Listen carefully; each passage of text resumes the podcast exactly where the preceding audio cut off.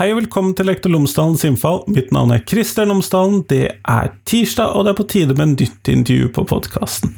Denne gangen så snakker jeg med Ingfrid Veka fra Høgskolen på Vestlandet. Og vi skal snakke om operasjonaliseringen av mat- og helsefaget, og hvordan vi oversetter da dette, hva skal vi kalle teoretiske eller abstrakte læreplanmålene inn i en undervisning som skal være så praktisk som vi ønsker at mat- og helsefaget skal være. Og det tror jeg er særlig interessant. I noen fag så er læreplanmålene tett opp til hva vi skal kunne forvente av undervisningen. I andre fag så er det en lengre vei, og hvordan forstår vi det som lærere? Det er veldig interessant når man begynner å titte på grunnlagsdokumentene. Dette sier kanskje noe om hvor mine nerdete interesser ligger i dette. Eller så ligger det noen interessante artikler i shownotesen, leserinnlegg osv., så, videre, så ta gjerne en titt på det. Ellers, podkasten er sponset av Fagbokforlaget, og Fagbokforlaget utgir bøker og digitale læremidler for hele utdanningsløpet, fra barnehage til høyere utdanning og profesjonsstudier, i tillegg til for norsk for minoritetsspråklige. Og visste du at Fagbokforlaget akkurat har kommet ut med en bok for høyere utdanning om betydningen av å møtes? Og dette tror jeg vi kan trenge å lese mer om etter at vi nå har gått igjennom denne koronapandemien som er ferdig. Sånn, det tror jeg kan være interessant for deg. Så sjekk ut fagbokforlaget.no, hvor du finner fagbøker, læremidler for det aller, aller meste. Ikke bare det jeg nevnte nå. Men nå kommer intervjuet med Ingfrid, vær så god.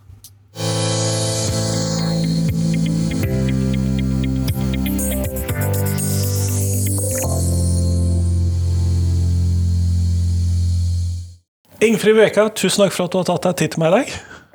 Bare hyggelig. Før vi kommer sånn ordentlig i gang med podkasten, så hadde jeg håpet at du kunne fortelle lytterne mine tre ting om deg selv, sånn at de kan få bli litt bedre kjent med deg. Ja, hva skal jeg si da? Eh, jeg vokste opp på Evanger. Voss kommune er lite bygd. Det er jo en eh, del av livet mitt. Flytta ganske tidlig eh, til Bergen, og har egentlig flytta litt rundt i landet, som òg har prega min bakgrunn. I dag så bor jeg i Åsane, har en datter og har, er mormor til tre. Kjempeflott. Og du er rett og slett nå i innspurten på et doktorgradsprosjekt? Ja, det er, kan du trygt si at jeg er. Eh, når dette blir publisert, kommet antagelig litt lenger med det. Men eh, vi har jo læreplaner som sier noe, og de det står en del sånne litt runde formuleringer mm. i veldig mange av mm. læreplanmålene, og du jobber med mat- og helsefaget. og hvordan Hvordan forstår lærerne disse læreplanene? Hvordan operasjonaliserer de disse læreplanene sånn at de faktisk kan bruke de i den hverdagen de står i, da?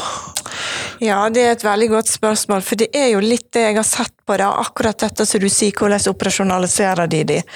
Og det er jo det vi ser, at den, den fortolkningskunnskapen til å forstå et komplekst læreplanverk, er det som lærerne sliter med.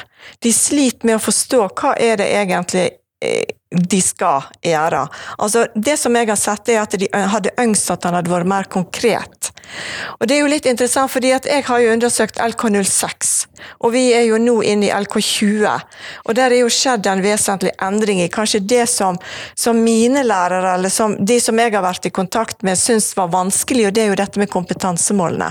At de føler at de blir altfor omfattende og litt for svevende. Så var jo det den kritikken som nå har blitt tatt tak i i den nye læreplanen, eller for å si LK20, som på en måte da skulle bli litt mer konkret. Og det er blitt mer konkret, det skal ikke jeg si noe om, for jeg har ikke gått så inn i den problematikken, men for å gå tilbake til det som jeg har undersøkt i LK06, da, så var det den største kritikken fra lærerne, at de følte det ble for vagt. De kunne nesten, som en uttrykte, jeg kan nesten gjøre hva jeg vil, fordi at det er så bredt at jeg kan ta inn mye av det som jeg ønsker.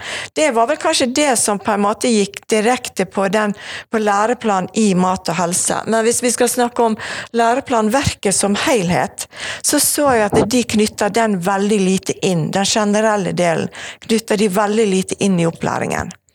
Og Det òg er jo kanskje et, eh, et, viktig eh, funn i den forstand at uh, i og med at de skiller de to, så tenker de heller ikke en helhet, sånn som er målet med en læreplan. Ja, for det var jo noe av det som man forandret på eh, når man gikk fra LK06 til LK20, at man knyttet de Ja. to tettere sammen. Men du finner da at dette skillet finner du veldig tydelig da Ja. i dine undersøkelser. Mm. Nettopp. Men når de da skal sitte da med disse læreplanene, og da forholder vi oss da til den gamle læreplanen, Ja. så opplever de at den er altfor vid. ja. Eh, Men hvordan påvirker, tenker de at det påvirker sin undervisning? Ja. Det, om de er like bevisste som kanskje jeg så, det er jo et annet spørsmål. Men det som jeg så, da, i og med at de følte han var så, så komplekst og så omfattende, så ble det litt at de brukte sitt eget profesjonelle handlingsrom. De brukte ikke det som vi kanskje snakker om, det, det formelle handlingsrommet. Da tenker jeg at det er det som læreplanen legger til rette for at du kan bruke. Men så brukte de sitt erfaringshandlingsrom, altså det de sjøl hadde erfart som mat- og helselærer. For noen av de hadde ganske lang erfaring. Og da brukte de mye mer sin erfaring inn i å tilrettelegge og planlegge undervisningen. Og for eksempel eh, i eh, den LK06 så hadde vi jo tre hovedområder. Og eh, mat og livsstil, kan du si var det eh, for hus hovedområdet. Det er så lett å si kjerneområdet nå, for nå er det det. Men eh, nå må jeg holde tunga rett i munnen og si hovedområdet. Så, så dette med mat og livsstil det var mye mer fremtredende, eller f.eks. mat og kultur og, og mat og forbruk. Så her også så jeg en tydelig sånn vekting på at det var ett av hovedområdene som var mye mer fremtredende enn de andre, og alle er jo like på lovpålagt i forhold til læreplan. Så her også så du en veldig tydelig sånn skjevfordeling av innhold. Det tror jeg òg gikk litt på det at de følte seg mer Kanskje de følte seg mer trygge, det skal ikke jeg si så mye om, men som en lærer sa, at det, dette med mat og kultur, det er så vagt at det, det prøver jeg å unngå. Og så lurte jeg litt på hvorfor mat og helse var så fremtredende. Jo, da viser det seg at jeg ble litt påvirka av den nasjonale debatten som går til enhver tid. I hver eh, tabloidavis så blir det alltid et oppslag om hva bør du spise. Så det Ja, de ser ser vi en del av. ja, det ser vi en del av. Og det virker som de ble litt påvirka av det. At det på en måte styrte litt, og at det var liksom det som var pop, hvis vi skal bruke det begrepet på det. Mm. Nettopp. Det er jo veldig interessant. Og du, du sa jo her at man hadde da et sånt eh, juridisk eh, skjønn som skulle ligge der, og en forståelse av hva Ja. en læreplan var, og sånn, og så sa du at det var en erfaringsbasert eh, læreplan. Opererer man da i prinsippet egentlig kanskje med to helt ulike læreplaner i dette, en formell en og en uformell en? Ja. Det er jo det som jeg har, eh, har skrevet litt om, da. Og det er den der læreplanen som ikke eksisterer. Den som bare er oppi i som- fellesskapet? Ja, mm, sant. Og det er jo litt ut ifra Goodland. Nå kommer vi jo litt inn i den ak akademiske verden, da. Men uh, er jo en veldig anerkjent eh, læreplanforsker, som skriver jo blant annet litt om dette her, den læreplanen som ikke eksisterer. Og, eller den, ja. Og det kan du forstå, akkurat det som du sier nå, ut ifra at du har en formell, og ifra den formelle så skjer det fortolkningsprosess som ender opp med at han kanskje ikke er så i tråd med intensjonen i den formelle. Han blir på en måte mer læreren sin egen. Ergo så oppstår et nytt læreplannivå, som vi da kan, kan kanskje si at det er en læreplan som ikke eksisterer. Og, men uansett om det er det, så vil jeg si at den læreplanen som disse lærerne da operasjonaliserer, er jo veldig i tråd med sin egen forståelse. Og den forståelsen vil jeg si òg går kanskje litt Altså, du, du vil jo kjenne igjen enkelte moment, men han er ikke så tydelig så du kan si at det er liksom direkte omformulert. Og det blir det jo aldri. En kan, en kan jo aldri forvente at den formelle læreplanen blir omtolket akkurat sånn som intensjonen er, for det er jo den som leser den, og det øyet som ser, til enhver tid. Ja, og det er jo komplisert å skulle sette disse dokumentene sammen Ja. og lese ut Mm. akkurat intensjonen. Og så er det et viktig poeng, poeng her. Det er det at eh, når eh, bare for å ta et eksempel fra min egen lærerutdanning, når jeg jobber som lærer, da, så jeg hadde jeg matematikk og veldig mye. Og da hadde du et læreplanverk. Du hadde en lærerveiledning. Du hadde en lærerveiledning som hjalp deg med å bryte ned, som vi kalte det den gangen. Vi brøt ned kompetansemålene, og de sto veldig tydelig i læreplanverket vårt, som var for læreren, kan du si. Mens i mat og helse så fins det veldig, veldig få læremidler. Så lærerne får ikke den hjelpen til å bryte ned eller til å kunne følge et læreplanverk. Det læreplanverket der, eller det læremiddelet, det må de skape seg sjøl. Fordi at det er så få Nå snakker jeg særlig om barnetrinnet, da. Yeah. Det er bedre på ungdomstrinnet, det skal sies. Men på barnetrinnet så er det veldig få læremidler som vi på en måte tenker er i tråd med det som en ønsker. Eh, og da mener jeg det at det fins, men det er veldig mange kommersielle. Og de kommersielle har jo en agenda som kanskje ikke er like så forenlig med at vi forholder oss til, eh, til Helsedirektoratets eh, kostholdsråd. Så der er jo òg en, en del av å planlegge opplæringen mat og helse som de ikke får hjelp, som du f.eks. hadde gjort i et matematikkfag. Og det tenker jeg òg er en viktig aspekt inn i dette, her, å forstå den mat- og helselæreren sin hverdag. For den, den er ganske ensom, spesielt på barnetrinnet. I og med at du, du ikke har dette nå hopper vi kanskje litt, da, men hvis vi skal ta, gå inn i en annen aspekt som jeg fant, så er jo det dette her med at de, de opplever at de er veldig alene. Ja, for det er jo ofte ganske få lærere per skole som Ja. underviser i dette. Ja, det er så. Det er én ting av det. Det andre er det at de opplever veldig lite et profesjonsfellesskap eller et fagfellesskap, alt etter hva du, hva du uh, bruker begrep på det. For det at um, Lærere jobber jo alltid i team på trinnene. Det er liksom helt aksept. Men som de sa, det er veldig, veldig sjelden vi planlegger mathelsefaget i det teamet. Det gjør jeg etterpå. Men så var mitt spørsmål ja, hvem gjør du det? Nei, det gjør jeg alene. Ergo så har du jo ingen heller som på en måte stiller et kritisk spørsmål til det du planlegger. Og da blir dette erfaringsrommet kanskje veldig prega av den eh, planleggingen. Mm. Men når man da ser på dette forskjellen mellom denne formelle og dette erfaringsbaserte læreplanen, eh, var det noe fors... eh, Det vil si, snakket du da med både lærere med fagutdanning og de som bare tilfeldigvis jobbet med mat- og helsefaget? Var det noe forskjell mellom de to gruppene i det? Ja, det er jo òg et interessant Nå skal det sies at eh, min undersøkelse, utvalget var tilfeldig. Uh, og jeg hadde heller ikke så mange, så ikke, jeg kan jo ikke generalisere på noe slags vis, og det er viktig. Sant? Det kan du jo ikke i eh, kvalitative undersøkelser, så det er viktig å påpeke at uh, de funnene som jeg fant, er ikke generaliserbare. Men eh, tilbake til det du spurte om, så hadde jeg faktisk eh, både med utdanning, kort erfaring og lang erfaring.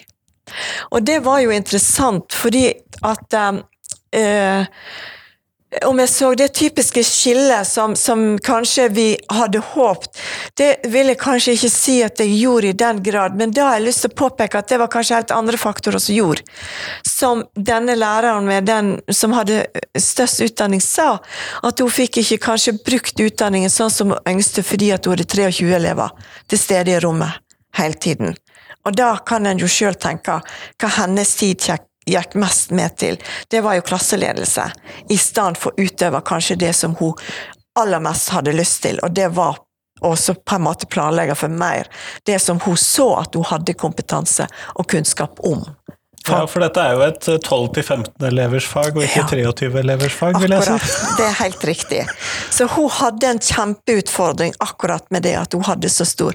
Mens disse andre to, da, som hadde lang erfaring og mindre erfaring, ikke utdanning, de hadde åtte elever hver. Mange av de. Og der var det jo en helt annen læringspotensial i det. Så det, var, det ble litt sånn vanskelig akkurat å se den tydelige forskjellen på om dette med, med fagfordypning hadde så mye å si, fordi at det, var så mange andre aspekt som påvirka opplæringen. Og det er jo noe av det som gjør det vanskelig å forske på Ja. skolen. Ja, det er det. Det er helt riktig. Du, Du kan ta noen sånne enkeltfaktorer og se på de, og så er det noen andre faktorer som helt høyser til bildet. Ja, ja. Sant? Det er jo det som er utrolig interessant òg. Fordi at det er så ulikt. Det er så mange. Så det, det å være mat- og helselærer på barnetrinnet, det er ganske komplekst.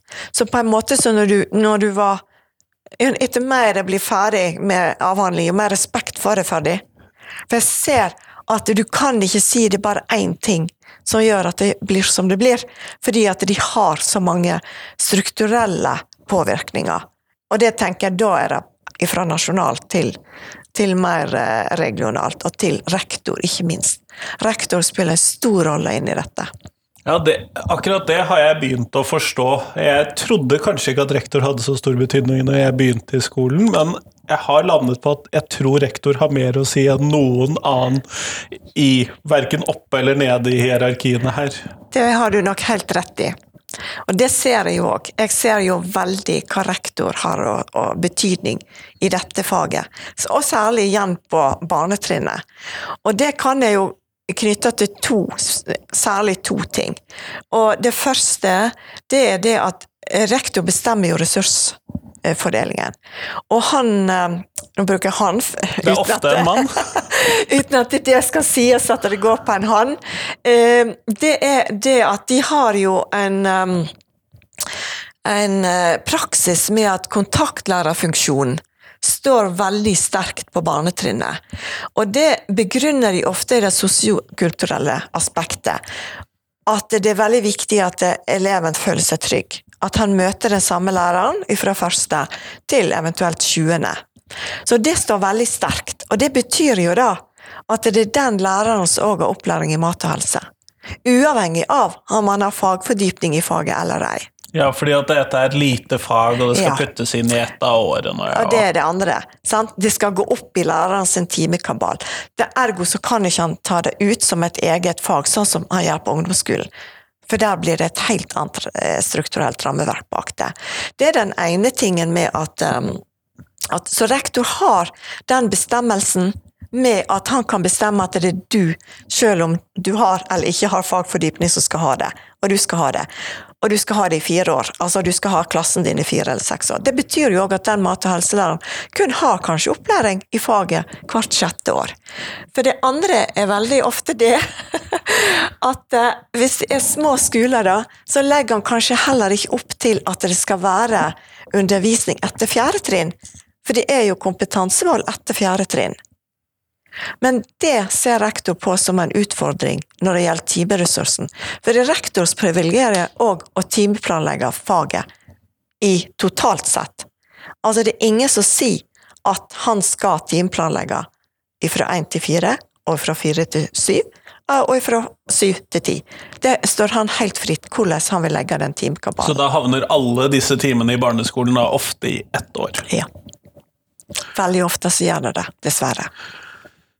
Og hvis du da underviser i et fag bare hvert sjette-sjuende år, ja. så da får du ikke bygget opp en veldig stor erfaring i faget. Nei, det er helt riktig. Og tenk deg da òg at du er da alene i faget. Du har heller ingen læremidler. Du har heller ikke en rektor som støtter deg. Da kan en kanskje konkludere med at dette faget er marginalisert i barnes, særlig på barnetrinnet. Og det er heller ikke krav om 30 studiepoeng, sånn som det er på ungdomstrinnet, på barnetrinnet. Og det ikke, det har jo akkurat gått en liten sånn eh, kronikk i, eh, i, um, på NRK Ytring, der det var en elev som akkurat etterlyste litt dette med med, ja, ja, dette var jo en bergenselev. Det var uh, Alba, mener jeg at det var, som det hadde det leserinnlegget. Og den svarte jeg på. Og der jeg akkurat etterlyser dette her med at uh, vi bør få 30 studiepoeng for å ivareta faget. For da tenker jeg at da unngår vi dette her med den, uh, den massive debatten som går kanskje i, i de tabloidavisene, som kanskje mange lærere henger seg på ja, for dette går tror... på kropp og skam og mat, det var det det gikk på. Jeg skal legge inn, for de som hører på dette, så ligger lenker i shownotesen, sånn ja, at man kan det. Det må du ta og gjøre, at det er litt viktig. fordi at eh, der følte jeg veldig eh, trang for å gå ut og forsvare faget mitt. Fordi at jeg opplevde at faget fikk et veldig sånn ernæringsperspektiv, som veldig mange tror. Når du sier mat og helse, så tror veldig mange at dette er et veldig sånn helserelatert fag. Ja, for det ligger jo litt i navnet. Det ligger litt i navnet, det er helt riktig. Og faget har hatt et helsefremmende perspektiv helt ifra den spede begynnelse. Absolutt, det har jeg hatt, så jeg skal ikke underkjenne det, men det er så, mange, er mye, mye mer. Og det tenker jeg er viktig å løfte fram. Det er så mye, mye mer i det. Mat og helse, eller helse, for å ta det perspektivet, er en bitte liten del av det totale. Og igjen så kommer vi tilbake til det kanskje det som vi begynte med læreplanen. Det er denne fortolkningskunnskapen som er så utrolig viktig. For at ikke sånn pseudovitenskap skal komme til fordel for den viktige vitenskapen, eller den som er vitenskapsforskning, da. Nettopp. Ja, fordi at du, du, sa jo noe før vi kom inn på denne helsebiten i faget, så sa du dette her med at faget ligger da ofte knyttet til ett år og sånn, og det dermed så blir det noen utfordringer for det. Men de andre praktisk-estetiske fagene ligger jo hvert år gjennom skolen, sånn at dette blir jo da på mange måter ekstra utsatt da, i, Ja. med, i, til sammenligning med disse. Mm, det blir de. Og det er interessant. Og det er noe som jeg, kunne tenkt meg å få visst mer om akkurat hvorfor. sant? Fordi at hvorfor er det så naturlig å legge, bare for å ta kunst og håndverk da, som et fag? De har jo betydelig flere timer, det skal sies. Men der opplever jo elevene at de får det fra første klasse, og hvert år, til de går ut. Mens mat og helse, det er veldig veldig mange elever som ikke møter før de kommer til sjette klasse. Og Det i seg selv er jo ganske interessant. Hvorfor sjette? Det er nok òg en tradisjon i Ja. veldig veldig mange skoler at de legger det til sjette trinn. Og om de legger det til femte trinn eller sjette trinn, så er jo ikke det den store forskjellen, og Nei. at det alltid ligger i niende trinn Nei. på ungdomsskolen. Det er det ikke. Og hvorfor bare da? Ja, sant? Interessant. Mm. Eh, Så der er det jo mye ting man kunne sett på eh, og forsket på, antagelig. Men hvis, Ja.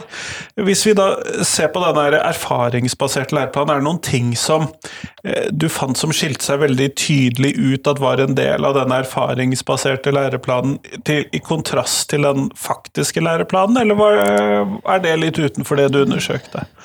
Ja, litt. Men, men det så, var jo veldig det at de, de um, de, de brukte nok en god del av, av um, eh, sitt eh, ja, hva skal jeg si? Igjen så kommer vi litt inn i dette her, fordi at eh, jeg også så jo veldig den skjevfordelingen, da. sant?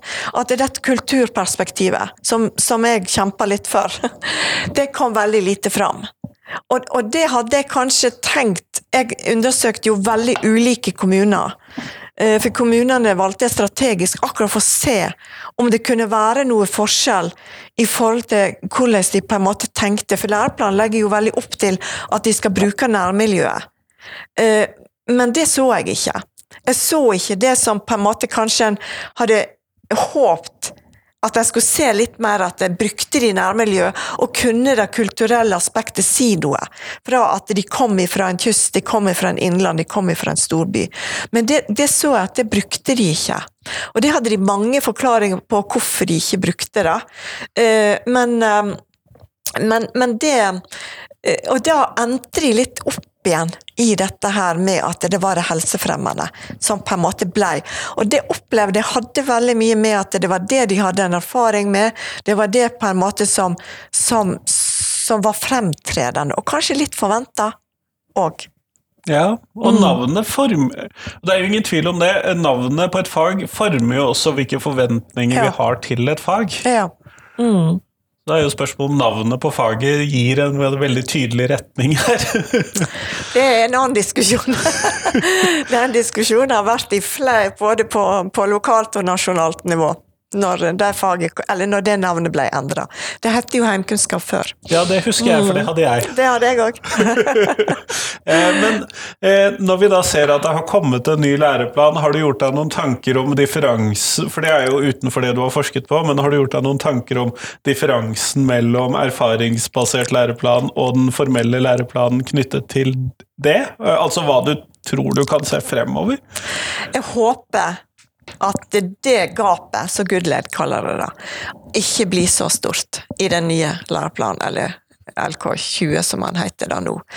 Eh, Fordi at der ser du en stor endring i den overordnede delen og den enkelte faglæreplanen, i og med at den er mye mer, mer knytta sammen. Slik jeg opplever det da. Ja, og jeg opplever også at intensjonen er der. Intensjonen er der. Så gjenstår det å se om, om målet blir, eller om resultatet blir sånn. Men, eh, men slik jeg leser han sjøl, så opplever jeg det at uh, han er mer forståelig i forhold til at du kan gjenkjenne flere aspektene i den overordna, så du kan knytte ned mot, uh, ned mot uh, faglæreplanen. Og det var litt interessant, for nå har jeg akkurat satt og lest eksamensoppgave i det ene emnet vårt, der dette har vært et tema. Hvordan de opplever det ene, ene kjerneområdet i forhold til den overordna eh, delen. Og der ser det mye mer tydelig hvordan de har på en måte klart å integrert den overordna delen i det de har skrevet om faget.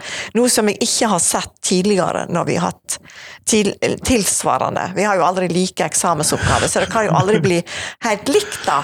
Men, men du har, får jo en intensjon da, om det.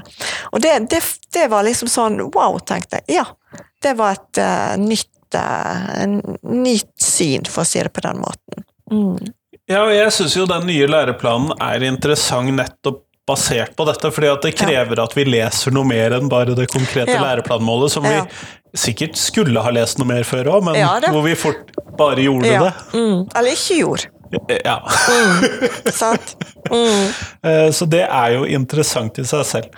Eh, vi går mot slutten av podkastintervjuet, og da hadde jeg håpet at du skulle svare på det spørsmålet som jeg stiller til alle jeg intervjuer for tiden. Og hva er de tre viktigste tingene som skolen lærer elevene?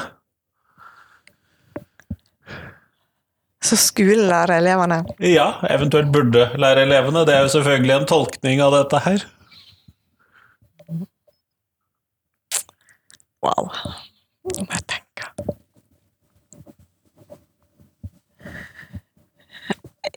hvis du tenker ut ifra hvis en tenker ut ifra læreplanen som Eller ikke læreplanen, det var feil sagt. Hvis du tenker ut ifra opplæringslova, så står det at skolen skal utdanne og danne. Og de er gjensidig avhengige av hverandre. Så hvis eh, skolen klarer det, hvis de klarer å utdanne og danne et menneske til å bli en god medborger, samfunnsborger, så tenker jeg at skolen har gjort sitt oppdrag. Ja, nei, men Kjempeflott. Tusen mm. takk for det. Jeg tar det som tre igjen. ja, gjør det. takk for at du ble med på podkasten i dag. Bare hyggelig.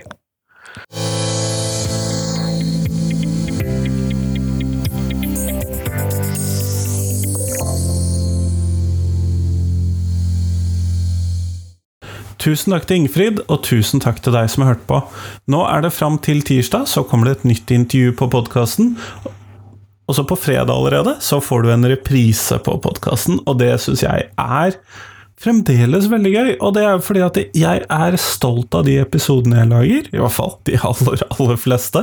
Jeg syns eh, det er gøy å kunne presentere det, og det jeg har sett, er at mange av disse repriseepisodene får ganske gode lyttertall. Jeg tror det er en del temaer, episoder, som ble laget tidlig i podkastens historie, når den hadde relativt få lyttere, som folk setter pris på å få inn etterpå. Og så prøver jeg selvfølgelig å velge ut de reprisene som eh, kan være interessante, selv om det da har gått seks år på det aller meste. Nå er vi vel nede i fire år på de som nå er eh, repriseepisoder. Men noen temaer holder seg bedre enn andre, andre er mer dagsaktuelle. Sånn at eh, vi får se hvordan jeg skal løse det når vi kommer tettere opp til dagens situasjon. Antagelig stopper jeg da med repriser for en periode, eh, men det har jeg ikke tenkt så nøye på. Ellers så håper jeg at du kan dele podkasten min med noen. Også, for det, setter jeg også veldig stor pris på. Jeg syns det er gøy med lyttertall. Statistikk er fint, og det er en god motivasjonsfaktor. Men jeg tror jeg ville gjort dette selv med langt lavere lyttertall enn i dag, for det har jeg drevet på med i lang tid. Men nå skal du få lov til å få uken din for deg selv. Ha en fin uke. Hei, hei.